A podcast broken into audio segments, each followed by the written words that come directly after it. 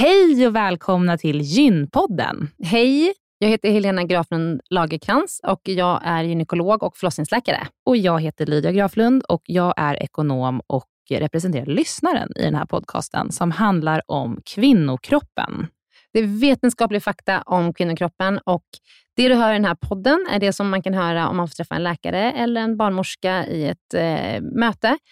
Men ibland så bjuder vi in gäster som berättar om sina personliga erfarenheter och ibland är det också spekulation, men då är det verkligen tydligt att det är spekulation.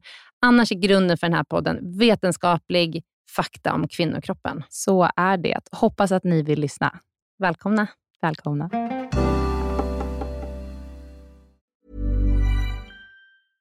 Hey, I'm Ryan Reynolds. At Mint Mobile, we like to do the opposite of what Big Wireless does. They charge you a lot, we charge you a little. So naturally, when they announced they'd be raising their prices due to inflation, we decided to deflate our prices due to not hating you. That's right. We're cutting the price of Mint Unlimited from $30 a month to just $15 a month. Give it a try at mintmobile.com slash switch. $45 upfront for three months plus taxes and fees. Promo for new customers for limited time. Unlimited more than 40 gigabytes per month. Slows. Full terms at mintmobile.com. Den här veckans avsnitt av Gynpodden är sponsrad av Ester Care. Och Helena, det är ju det bolaget, vårdbolaget, som du och jag har varit med och startat, där vi erbjuder digitala vårdmöten med specialister inom kvinnovård. Precis. Och vi vet att det är väldigt mycket vårdpersonal som lyssnar på Gynpodden, vilket vi är jätteglada för. Och vi behöver alltid fler gynekologer till SDKR. Så därför vill vi nu göra en shout-out till alla er som lyssnar ute som vill vara med och förändra svensk kvinnovård. Vi söker specialister inom gynekologi, men också ST-läkare som har kommit en bit in i sin ST och som vill arbeta digitalt eh, med handledning på, hos oss på SDKR. Mm. Och precis som det är för våra patienter som kan söka vård hos oss, det vill säga att de kan bo vart som helst i landet eftersom vi är digitala. Om man laddar ner appen och så bokar man ett vårdmöte, så kan ju även läkaren bo vart som helst i landet eller flytta under tiden man jobbar hos oss. Det är ju väldigt, väldigt flexibelt eftersom eh, man jobbar hemifrån. Och Jag tänker att det måste ju också vara helt underbart att som läkare kunna arbeta hemifrån och planera sin egen tid några dagar i veckan. Ja, verkligen. Och samtidigt vara med och förändra kvinnovården med kollegor som är otroligt drivna och engagerade. Det är jätteroligt att jobba på SDKR. Och jag tycker att det här är en häftig grej som vi gör just nu, att vi erbjuder gyn, äh, gynvård i hela landet. Och vilka är de vanligaste patientmötena du tar, Helena? Ja, men det är ju klimakteriet, eh, PMS, eh, mensbesvär. Och det är ju såklart ärenden och diagnoser som går att hantera digitalt. Men vi remitterar också vidare när det behövs mm. och tar labbprover när det behövs mm. och så vidare. Mm. Så gå in på sdcare.com, klicka på jobba hos oss i menyn för att läsa mer och skicka in en ansökan. Tack så mycket. Tack och välkomna. Hej och välkomna till Gynpodden. Hej. Idag, Helena, ja. så ska vi podda om någonting som varit efterfrågat väldigt, väldigt länge. Ja, och eh, vi ska podda om myom. Mm. Lydia, vet du vad myom är? Ja, det vet jag, men vi har en expert här idag som kommer att gå in i mer detalj, där vi ska prata om vad det är, vad symptomen för myom är och behandling mm. och ja, allt man kan vilja veta om sjukdomen, hur vanlig den är helt enkelt. Ja, och om det ens är en sjukdom ska vi prata om. Ja. Så vi välkomnar en gammal kär gäst, vår absolut mesta gäst, Helena Kopp Kalber.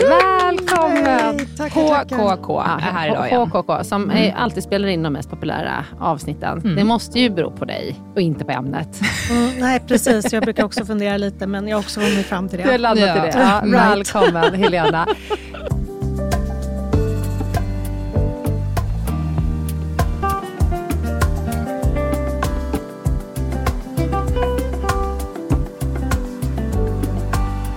Eh, du eh, forskar ju på så himla mycket, men bland annat på myom. Ja. ja. Kan vi inte börja, liksom, vad är myom? Myom är godartade muskelknutor i livmodern. Livmodern är ju en muskel eh, och består av muskelceller. Och myom bildas när någon av de här muskelcellerna plötsligt får för sig att den ska börja dela på sig.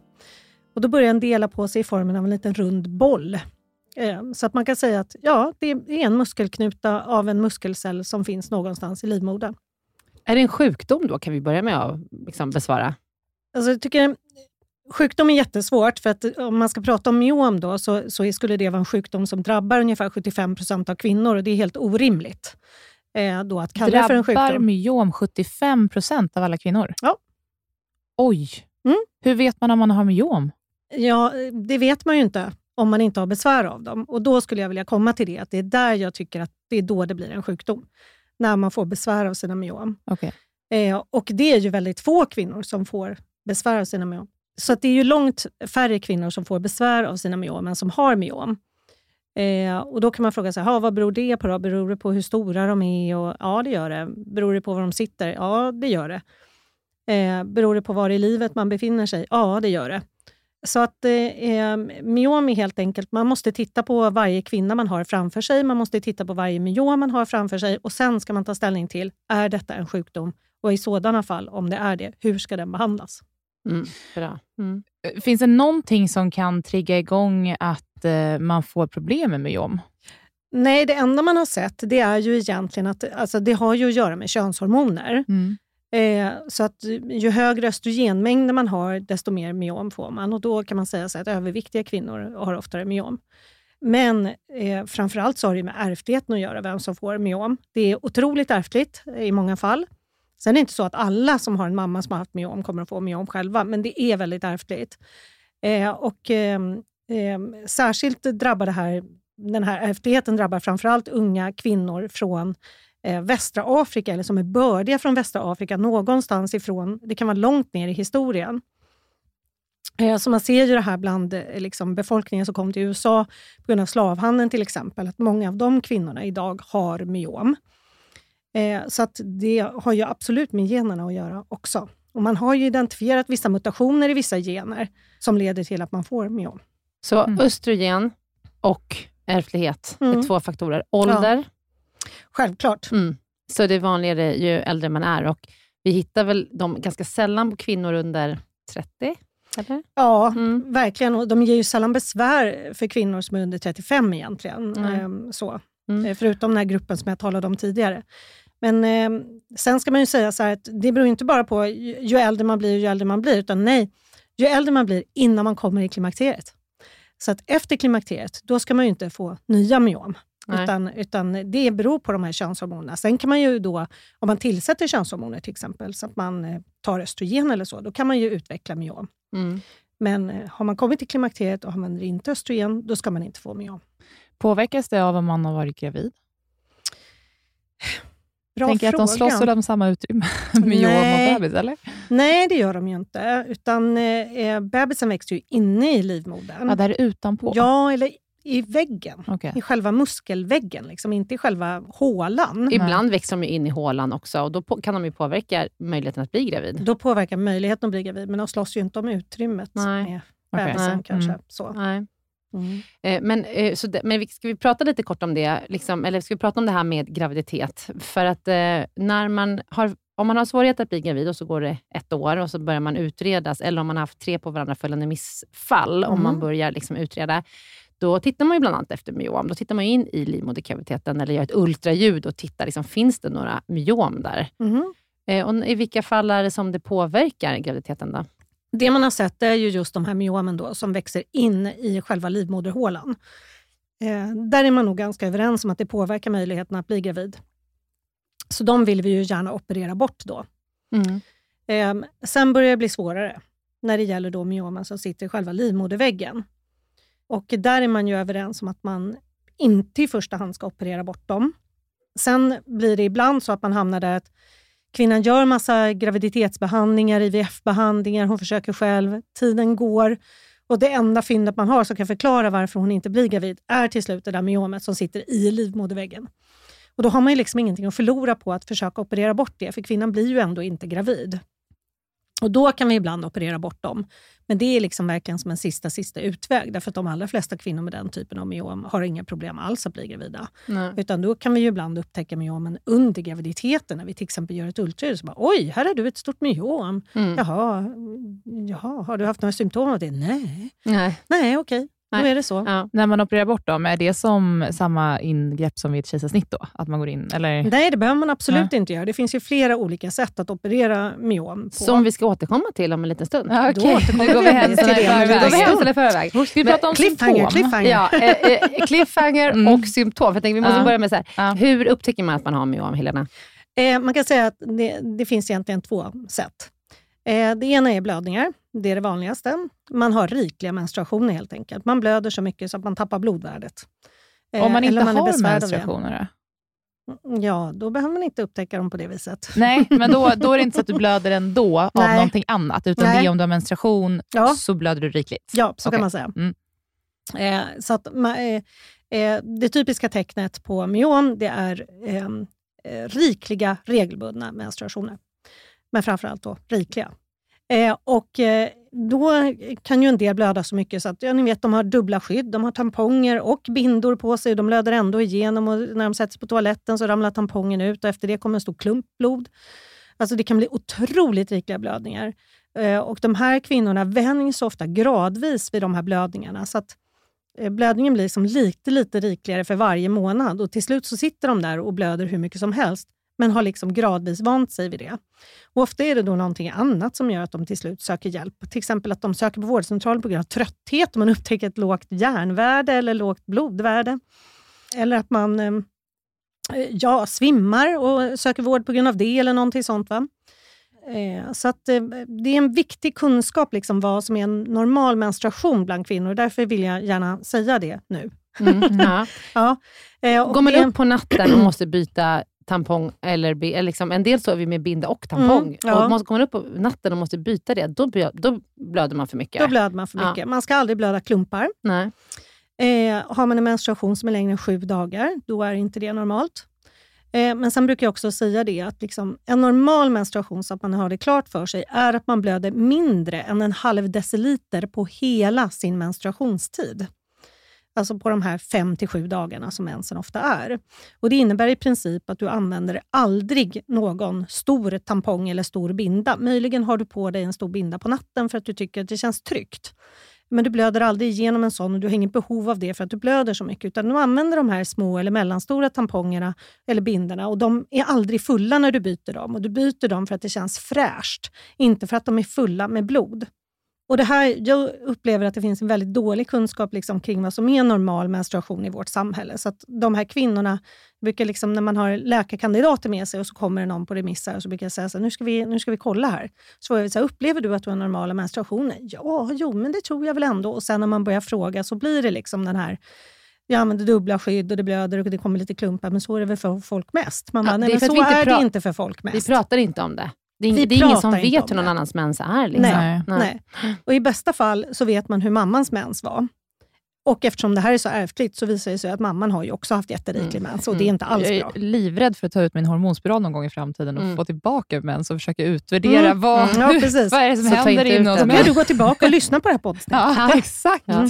Okej, så det är ri- riklig eh, mens. Ja. Mera då? Det andra symptomen är då trycksymptom av olika slag. Eh, och Det kan nog vara då att man har ett tryck på urinblåsan. Man behöver gå och kissa ofta. Det kommer inte så mycket, men man upplever hela tiden att, liksom det, att det trycker på blåsan. Ett annat vanligt symptom är samlagssmärta. Eh, och Det är ju då för att den här stora liksom, livmodern, när den rör på sig så är den lite öm. Eh, och då när man har samlag så trycker naturligtvis penis på livmodern och rör på den och det gör ont. Så det är Så en att- djup samlagssmärta jämfört En med djup- innan har vi pratat ja. mycket om det här vulvodyni Ja, som är liksom utvändigt. Nej, det är Nej. ingenting av den Nej. sorten, utan det är det här. Eller att man till exempel blir väldigt, väldigt kissnödig när man har sex. Mm. Därför att då den här livmodern trycker på urinblåsan. Mm. Så det är väl de vanligaste liksom, symptomen. Sen så kan det i extrema fall vara så att man ligger på rygg och så plötsligt ser man att det står upp en stor klump i min mage. Vad konstigt. Liksom. Eh, Och ibland får vi ju remisser från liksom husläkare som tror att kvinnor har cancer och sådär, stora cancrar i magen. Men det är ju inte det, utan det är ju ett myom. Då. Mm. Kan myom aldrig bli cancer? Det var Nej, myom omvandlas inte till cancer. I sådan fall är det cancer från början. Så att, kan vi utesluta då att myom är farligt? Ja, det kan vi. Men eh, på det viset att det inte är cancer, men det kan bli farligt för kvinnors hälsa. Eh, och Det har ju att göra med att man till exempel kan få så lågt blodvärde. Att man, jag hade en patient till exempel som eh, hon kom in till eh, akuten för att hon hade ramlat och slagit i bakhuvudet i sitt handfat. Mm. Det är klart att det blir farligt. Jag hade en annan patient som var ute och cyklade med sitt barnbarn och så helt plötsligt svimmar hon och cyklar omkull och barnbarnet liksom ramlar ja, i backen. Mm. Alltså, så det är Det klart är att farligt det, på så sätt. Mm. det, det leder till farliga saker, men Mm. per se är det liksom inte någonting som kommer att invadera och förstöra din kropp. Nej. Då har jag en lösning. Mm. hormonspiral. Mm. Det, ska vi, ja, vi, förutsatt att myomet sitter så att hormonspiralen hjälper. Ja. Okej. det kan vi prata om då. Vad finns det för behandlingsmetoder? Ja, kan vi först prata lite om varför blöder man så mycket mer av att du har ett myom? Ja, det är en väldigt bra fråga faktiskt. Um, Det är så skönt när man ställer en bra fråga. Ja. Man får också Ja. veta när man ställer en dålig fråga. Då det? tittar Då- Helena lite på en som Ja, att man är dum i huvudet. Eller, eller så säger hon bara inte, det var en bra fråga. Nej, de flesta fråga. frågor är bra. Jag brukar säga, det finns faktiskt inga dåliga, dåliga frågor, utan då, är det någon, då har man gjort ett dåligt Din jobb att blick förklara. säger otherwise. Det är för att vi är kompisar. Nå, nej men i alla fall. Den, ehm, de myomen som ger allra störst besvär med blödningar, det är de som buktar in i livmoderhålan. Eh, och det har ju att göra med att liksom, eh, volymen eller ytan på eh, livmoderhålan blir ju så mycket större när myomet buktar in. Eh, och Jag brukar säga det liksom att det är lätt att tänka sig liksom ett tvärsnitt av ett myom, så man har liksom en, en, en area bara som man ritar och så ritar man ett myom, och då blir det lite större. Men man måste tänka sig att det är en tredimensionell struktur. Så att liksom den här bollen, när den trycker in sig i livmoderhålan, så kan den öka liksom själva ytan på, på slemhinnan med kanske tio gånger. så att det Just blir det. enormt För att mycket den större. buktar inåt så att livmoderytan Ja, inåt tänjer sig liksom sig. runt den här Ja, exakt. bollen. Och myom kan ju bli enormt stora. Ja. Så det det betyder störst- att, förlåt, men så det betyder att slemhinnan i livmodern som de, då är menstruationen blir Exakt, större? Liksom. blir enormt mycket större. Ja, okej. Vad är det, det är det största myomet du har sett. Helena? Ja, det är nog det är 35 centimeter tror jag. Mm. Mm. 35, en, lite Oj. mer än en linjal. Mm. Mm. Oj, Mm. Ja. tog ni bort den då? ja, det måste man ju operera bort. Det Ja. finns inget annat sätt. Nej. Då tar man bort hela livmodern. Mm. Men jo, så det är det uppenbara. Men det man ser är också att, att eh, även kvinnor som har myom som sitter på andra ställen, man kan liksom störa livmoderns funktion. Så att livmodern ska ju liksom dra sig samman och stöta ut blodet och liksom Eh, ja, det verkar påverka liksom blodflödet i livmodern, livmoderns förmåga att dra ihop sig som sagt. Så att även kvinnor som har myom på andra ställen som inte buktar in i livmoderhålan blöder mer än andra kvinnor som inte har myom. Mom deserves the best, and there's no better place to shop for Mother's Day than Whole Foods Market. They're your destination for unbeatable savings, from premium gifts to show-stopping flowers and irresistible desserts. Start by saving 33% with Prime on all body care and candles. Then get a 15-stem bunch of tulips for just $9.99 each with Prime. Round out Mom's menu with festive rosé, irresistible berry chantilly cake, and more special treats. Come celebrate Mother's Day at Whole Foods Market. Quality sleep is essential. That's why the Sleep Number Smart Bed is designed for your ever evolving sleep needs. Need a bed that's firmer or softer on either side? Helps you sleep at a comfortable temperature? Sleep Number Smart Beds let you individualize your comfort so you sleep better together. JD Power ranks Sleep Number number 1 in customer satisfaction with mattresses purchased in-store. And now, save 50% on the Sleep Number limited edition Smart Bed for a limited time. For JD Power 2023 award information, visit jdpower.com/awards. Only at a Sleep Number store or sleepnumber.com. Veckans avsnitt av Gynpodden är sponsrat av mittpreventivmedel.se som är en informationssida från Bayer. Mm. Jättebra informationssida. Eh, den, den är full av information och material för att du på bästa sätt ska kunna välja vilken preventivmedelsmetod som passar dig allra, allra bäst. Och Det vi tänkte prata om idag det är att det finns något som heter samtalsguide Mm. på den här sidan. Mm. Och Det är ett formulär där man har, får en massa frågor, till exempel så här, att komma ihåg att ta med preventivmedel dagligen är inget problem för mig, eller ibland svårt, Mm. eller inte min grej. Mm. Eller eh, om jag blev gravid nu och så vidare. Liksom. Så att man får kryssa i en massa frågor och ta ställning och fundera innan du Mm. träffar din gynekolog eller barnmorska. Så att du liksom verkligen får med alla frågor som är viktiga för dig i det där mötet. Ja. Så man kan fylla i den på den här hemsidan, så kan man skriva ut den här blanketten och ta med den. Ja. Jag skulle säga att, att det verkar som att det är framförallt fyra kategorier som Mm. är väldigt viktiga. Och sen, Mm. så, sen så spelar det ju in vad du har tagit innan och hur det har funkat för dig och, Mm. sådär, och din historik. Men det verkar ju som att det handlar mycket om hur liksom ordningsam man är, eller hur strukturerad man är, att kunna ta någonting dagligen. Eh, hur viktigt det är att man inte blir gravid. Mm. Eh, användning av hormonella preventivmedel. eh, och om man vill påverka sin menstruation på något sätt. Mm. Så det verkar som att det är de fyra kategorierna som man, man bör fundera på innan Mm. man väljer ett preventivmedel. Man får bra guidning i hur man ska svara på de här, eh, med olika kategorier, olika svar. Och Sen så tar man med sig det till sitt möte med barnmorska och gynekolog och då är man väl förberedd. Mm. Och Jag lovar er att om ni gör det här innan ni går eh, till en barnmorska eller gynekolog, då kommer ni få mycket bättre hjälp. För att det här är liksom ingenting som bara finns i en, utan man måste liksom fundera lite på Ja. så vad är viktigt för mig. Vill jag ha mens eller inte? Ja. Och så vidare. Så att, gå in på mittpreventivmedel.se och titta runt där och gör den här eh, ja, samtals, samtalsguiden. ja, samtalsguiden. Ja. Tack Bayer för att ni har utvecklat denna braiga sida om Ja, preventivmedel. Den är otroligt bra. Mm. Tack så jättemycket. Tack.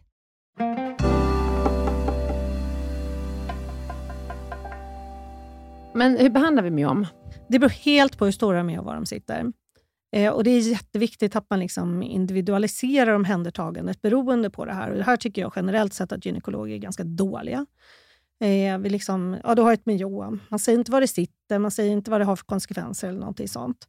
Eh, och Då kan man ju säga så här att myom som är pyttesmå men buktar in i livmoderhålan, som kanske bara är en centimeter men buktar in i livmoderhålan, kan alltså göra att man blöder väldigt mycket. Medan då myom som sitter utanpå livmodern, som liksom någon slags Mickey Mouse-öra, liksom, de kan ju bli uppåt 10-15 centimeter om de ligger på rätt sätt och kvinnan upptäcker aldrig och vet inte att hon har det och ger inga symptom. Så det är inte bara storleken som har betydelse, utan det är var myomet är beläget. Och Det är ju så vi väljer också operationsmetod. Och Då kan vi ju börja då med det här lilla, lilla myomet som sitter inne i livmodern. Eh, Det är ju en enkel dagoperation när vi tittar in i livmodern med en kamera och har en brännslynga.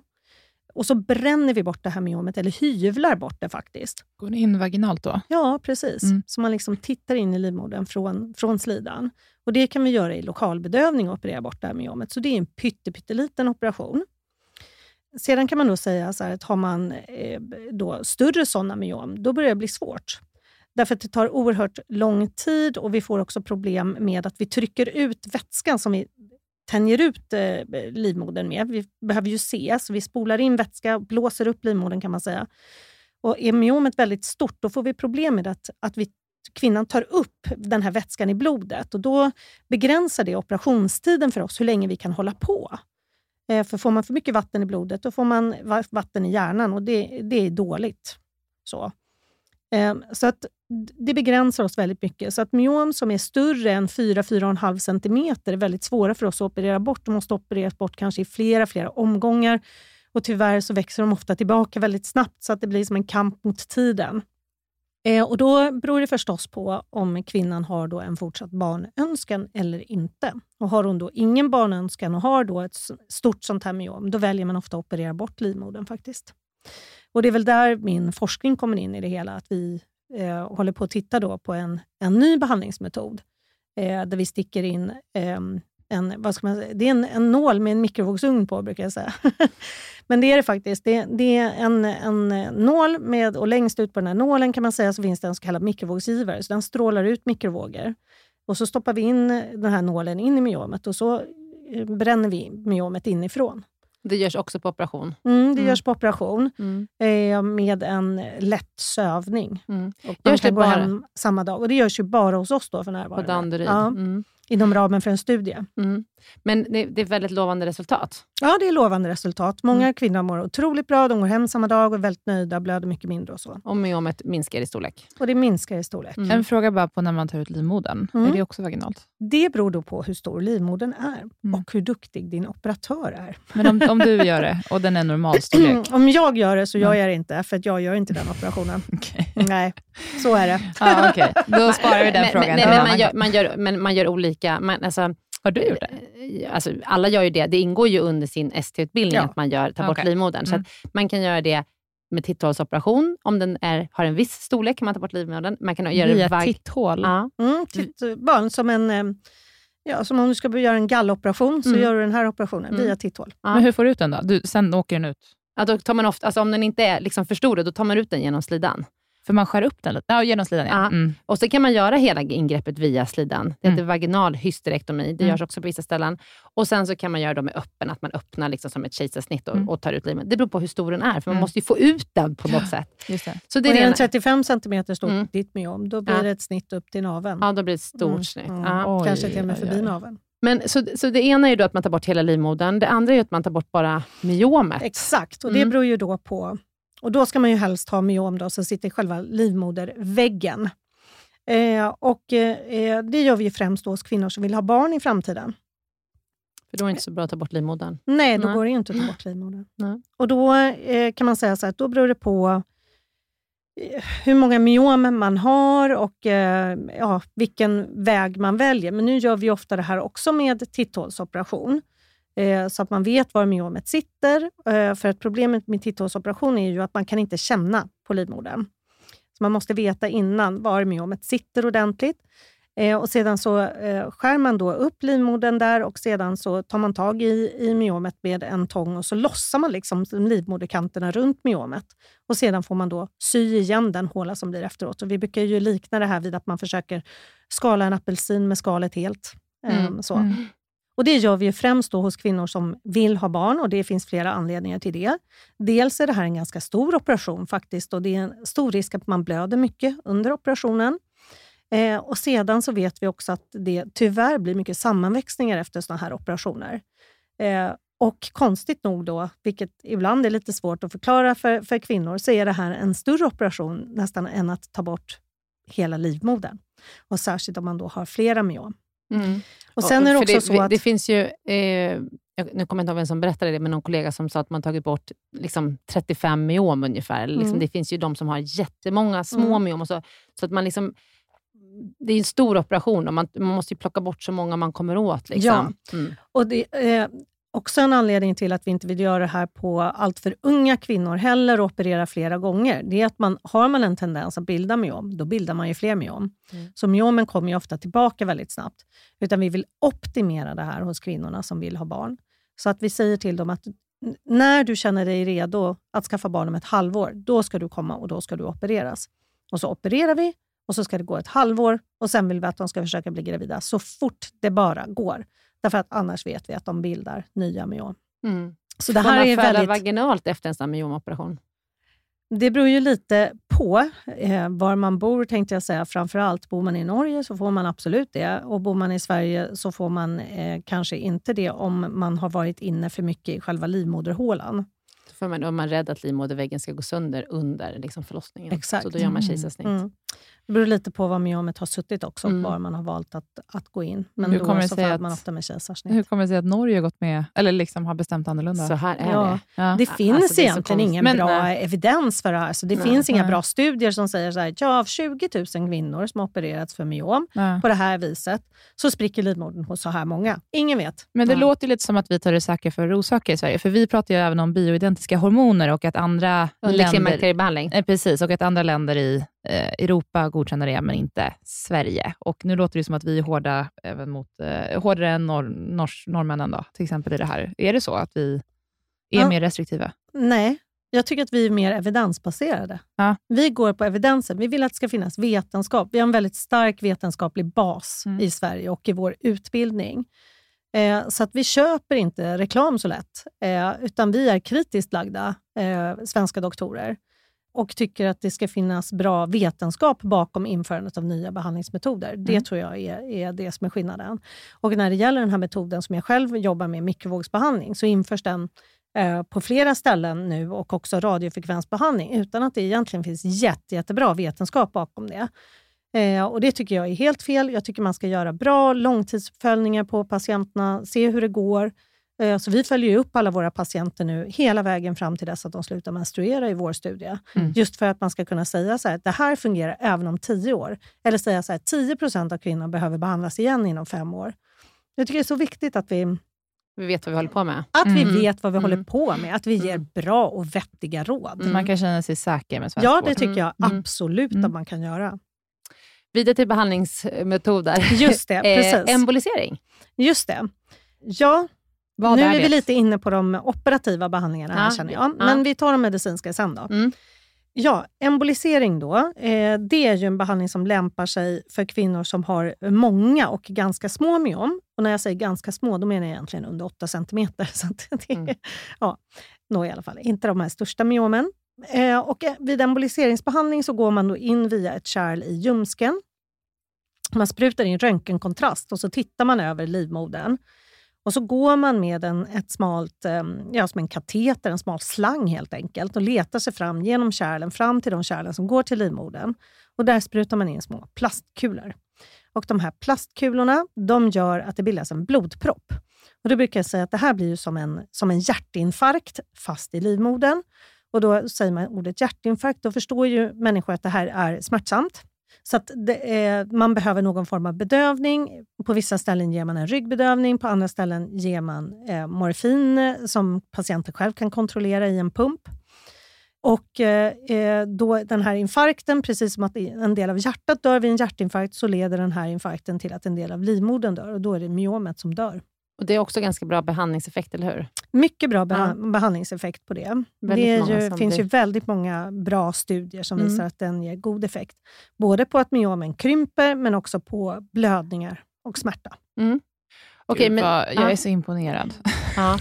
Mm. Jag också. Över dessa olika metoder. Ja. Mm. Medicinsk behandling då? Eh, ja, precis. Och Det är ju egentligen alltid kanske steg ett, därför att det är icke-invasivt. Och Då finns det ju till exempel den behandlingen då som, som du skulle ha, då, Lydia, eh, hormonspiral. Eh, och hormonspiralen kan man ju då eh, använda om själva livmoderhålan är opåverkad. Så då ska man inte ha masemiom som buktar in i livmoderhålan, därför att då vet vi att då får man bara massa småblödningar och elände med hormonspiralen. Men är livmoderhålan opåverkad, då fungerar den utmärkt. Men kan man inte testa ens med en Mirena eller en hormonspiral om man har buktande... Gud vad du älskar på, Mirena. Det beror väl på hur mycket den buktar in. ja. Eh, men det här, de som buktar mer än 50 procent är ju lönlöst. Alltså. Mm. Det blir bara trassel. Mm. Eh, och, eh, men är livmoderhålan opåverkad, då fungerar en hormonspiral jättebra. Sen finns det ju då man kan ge alltså systemisk behandling, vanliga p-piller, fungerar också alldeles, alldeles utmärkt. De gör ju då att du tappar ägglossningen och då blöder du inte. Eh, men de kan också ge mycket småblödningar. Eh, då. För att ofta då, de här kvinnorna, låt oss eh, komma ihåg att de är ju inte purunga de flesta då som får besvär av sina myom, utan de är 35, 40, 45 år. Och Då kan man inte ge kombinerade p-piller, utan då blir det såna mellanpiller och en del får då mycket blödningar av det. Så Mellanblödningar och tycker att det är rätt jobbigt. Ja, precis. Ja. Mm. Eller humörpåverkan eller mm. ja, sådana saker. Mm. Men man kan ja. testa det. Ja. Mm. Och Sedan hade vi en väldigt, väldigt fin medicin som vi eh, älskade, som hette Esmion, eh, som består av ulipristalacetat. Eh, och den är nu, eh, vad ska man säga, under kraftigt utökad bevakning. Eh, och Det innebär att man måste ta leverprover när man står på den här medicinen. Men den finns fortfarande tillgänglig och bör användas hos en del patienter, tycker jag. Till exempel patienter som av någon anledning inte ska opereras eller som där hormonerna inte funkar. Men den har jättebra effekt på myom och på kvinnors blödningar? Ja, det mm. har den faktiskt.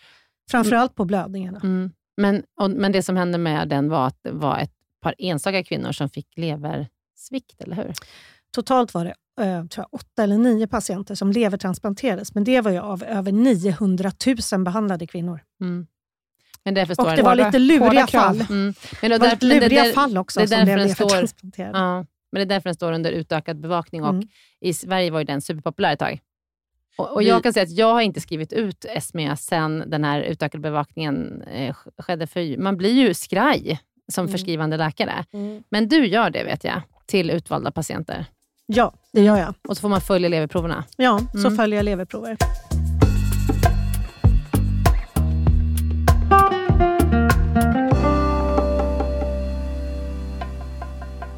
Men det har kommit ett nytt läkemedel. Ja, eh, det heter Reko. Eh, och det är ju egentligen en, eh, ska man säga, en gammaldags behandling i en ny förpackning. Mm. Mm. det är ehm, helt enkelt så att man försätter kvinnan i ett konstgjort klimakterium. och Tidigare så gjorde vi det med hjälp av GnRH-analoger, som det heter. Det vill säga att de egentligen stimulerar en receptor, kan man säga. Eh, Medan eh, den här Rieko den innehåller en antagonist. Eh, och Det betyder att den blockerar receptorn. Konstigt nog har det här exakt samma effekt när man behandlar under lång tid. Eh, och Då är det så att just en antagonist, den kan man ge i pillerform, men det kan man inte med en analog. Nu börjar Så det att- bli väldigt specifikt här, måste jag inflika. Så att då kan man alltså ge det här som en tablett och det är fördelen. De andra var man tvungen att ge som sprutor, eller nässprayer eller implantat. Och Det är klart att det är väldigt mycket lättare för kvinnan då att ta en tablett. Mm. Problemet är då att man försätter kvinnor i konstgjort klimakterium. Och då mår ju inte kvinnan bra. Va? Då får hon vallningar, svettningar, hon får ledvärk och så vidare. Och humöret går i botten. Eh, utan då behöver man ju sätta till en liten dog, dos östrogen. Ja, då är problemet att då leder den här lilla dosen östrogen till att man får en ökad risk för cancer i livmodern. Vad måste man ge då? Jo, då måste man ge lite mängd gulkroppshormon. Då har man bakat ihop allt det här i en tablett och Mm. den tabletten är Reko. Men vad tycker, du- vad tycker du om den då? För att jag har ändå tänkt att den verkar superbra, men du låter lite så här...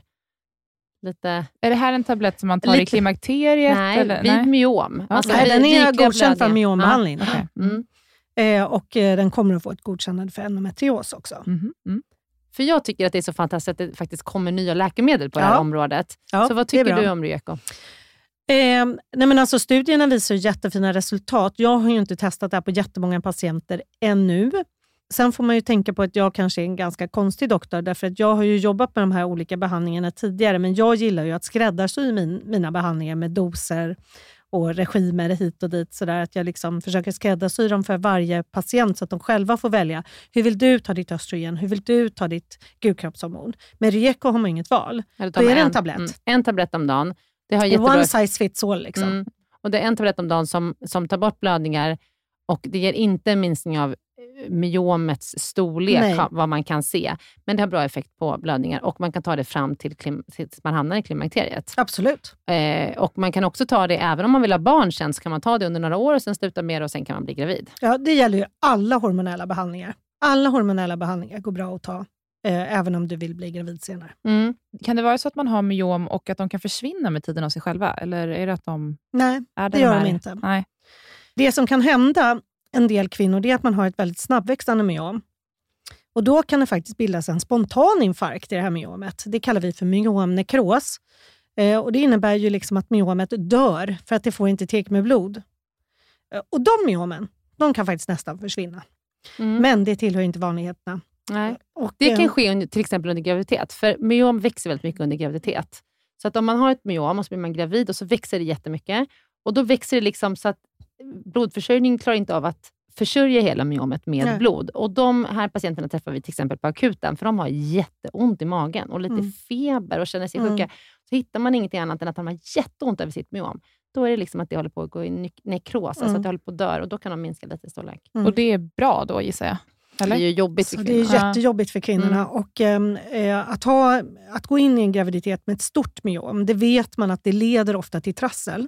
Om man tittar på kvinnor som har myom som är större än 6 cm, så leder det till problem med 75 procent av graviditeterna. Men det kan man inte veta om man har eller inte, eller hur? Om det är inte, Inte så att man alltid, blöder extra men om man mycket. liksom. vet det, Ja. då ska man ju ta diskussioner med kvinnan innan. Mm. Att det kan bli just mycket smärtor under graviditeten och de här kan växa till mycket och det kan, de kan trycka på olika Mm. saker och sådär. Så Ibland att, kan eh, de också utgöra förlossningshinder, att man inte kan föda vaginalt. Det är inte Mm. så vanligt. Men, Nej, det är inte så vanligt. nej, men det händer någon gång då och då. Mm. Att de sitter till så att man liksom inte... Ja, den, den, sitter, den utgör ett hinder för passage. Liksom. Men eh, jättebra. Jag tycker du svarar ju otroligt lätt. Eh, Det är liksom lätt att följa när du svarar på det. För det här kan ju ibland vara... Det, dels är det så himla många kvinnor som har det här, som har så mycket frågor. Och att Mm. det kan vara lite svårt att navigera. Liksom, Mm. vad, vad är vad och vilken behandlingsmetod passar Mm, mig? och så. mm. Men Jag tycker att det är så himla viktigt att man verkligen förklarar för patienterna. Jag är ju nästan alltid så att jag ritar upp livmodern för kvinnan som är framför mig. Och säger så här, så här ser din livmoder ut och så visar jag både framifrån och från sidan en bild liksom, så att hon ska förstå Mm. eh, hur, stort, hur stort det här är och, och, och också de behandlingsmetoder som står till buds. Så jag tycker det är så oerhört viktigt att man förstår sin, ja, om det nu är en sjukdom, eller också om det inte är en sjukdom, att man säger så men du, du har ett litet myom, där ska man bara kolla upp en gång att det inte växer massor och så vet du att du har ett myom om Mm. någon undrar. Men jag, jag tänkte på en Ja. sak det här med, många frågar ju då så här, ja men okej, det beror på hormoner då. Försvinner de här hormonerna, när man kom, eller eh, myomen, när man kommer till klimakteriet? Och det gör de inte. Utan går man in i klimakteriet med ett myom, då kommer myomet att finnas kvar, men det kommer att krympa. Mm. Och, det kom, precis, och då är det Mm. viktigt att man liksom vet med sig det här, för vi ser ju ibland att det kommer liksom, eh, så här 80-åriga kvinnor och så bara Åh, det är en tumör i livmodern. och då vet ju kvinnan att det är ett gammalt myom. Hon vet om att hon har haft ett myom. Så jag tänker så här att det är bra att prata med sin läkare om att man vet att man har myom. Mm. Just det. Mm. Och att man inte ska bli livrädd. För att det, det är ju ganska många som, hör, som liksom ibland har hört så här att eh, ja, men jag var hos doktorn och sa att jag hade ett myom. Och, så, och ibland säger vi lite så ja, så har vi ett myom här i bakväggen och det är en och en halv centimeter. Det är ju liksom Mm. ingen, det är ingen big deal. Men för patienten om man inte vet så Mm. kan man bli väldigt nervös. Men det är ju inte farligt. Muskelknutor, får man det på andra organ också, eller är det just i livmodern? Konstigt nog så är ju mest det här i livmodern, man kan få det på andra organ också. Mm. Vi ser ju ibland också att man har muskelknutor alltså på ligamenten till livmodern och sådär. Mm. kan man få muskelknutor också. Men Mm. nej, det här är nog konstigt. Jag Mm. begriper inte riktigt den evolutionära fördelen med att ha myom, måste jag säga. Det Nej. ing- kan inte Nej. finnas någon fördel. Ja. Ja, men jättebra. Ja, vi tackar dig Helena för Ja. att du är så fantastiskt Återigen. kunnig och eh, gästar vår podd och berättar om allt vi behöver veta om myom. Mm. Tack, Tack snälla. bästa Tusen Helena tack, Kopp Helena. Kallner. KKK. KKK. Hej då. Vi ses snart igen. Hej. Hej.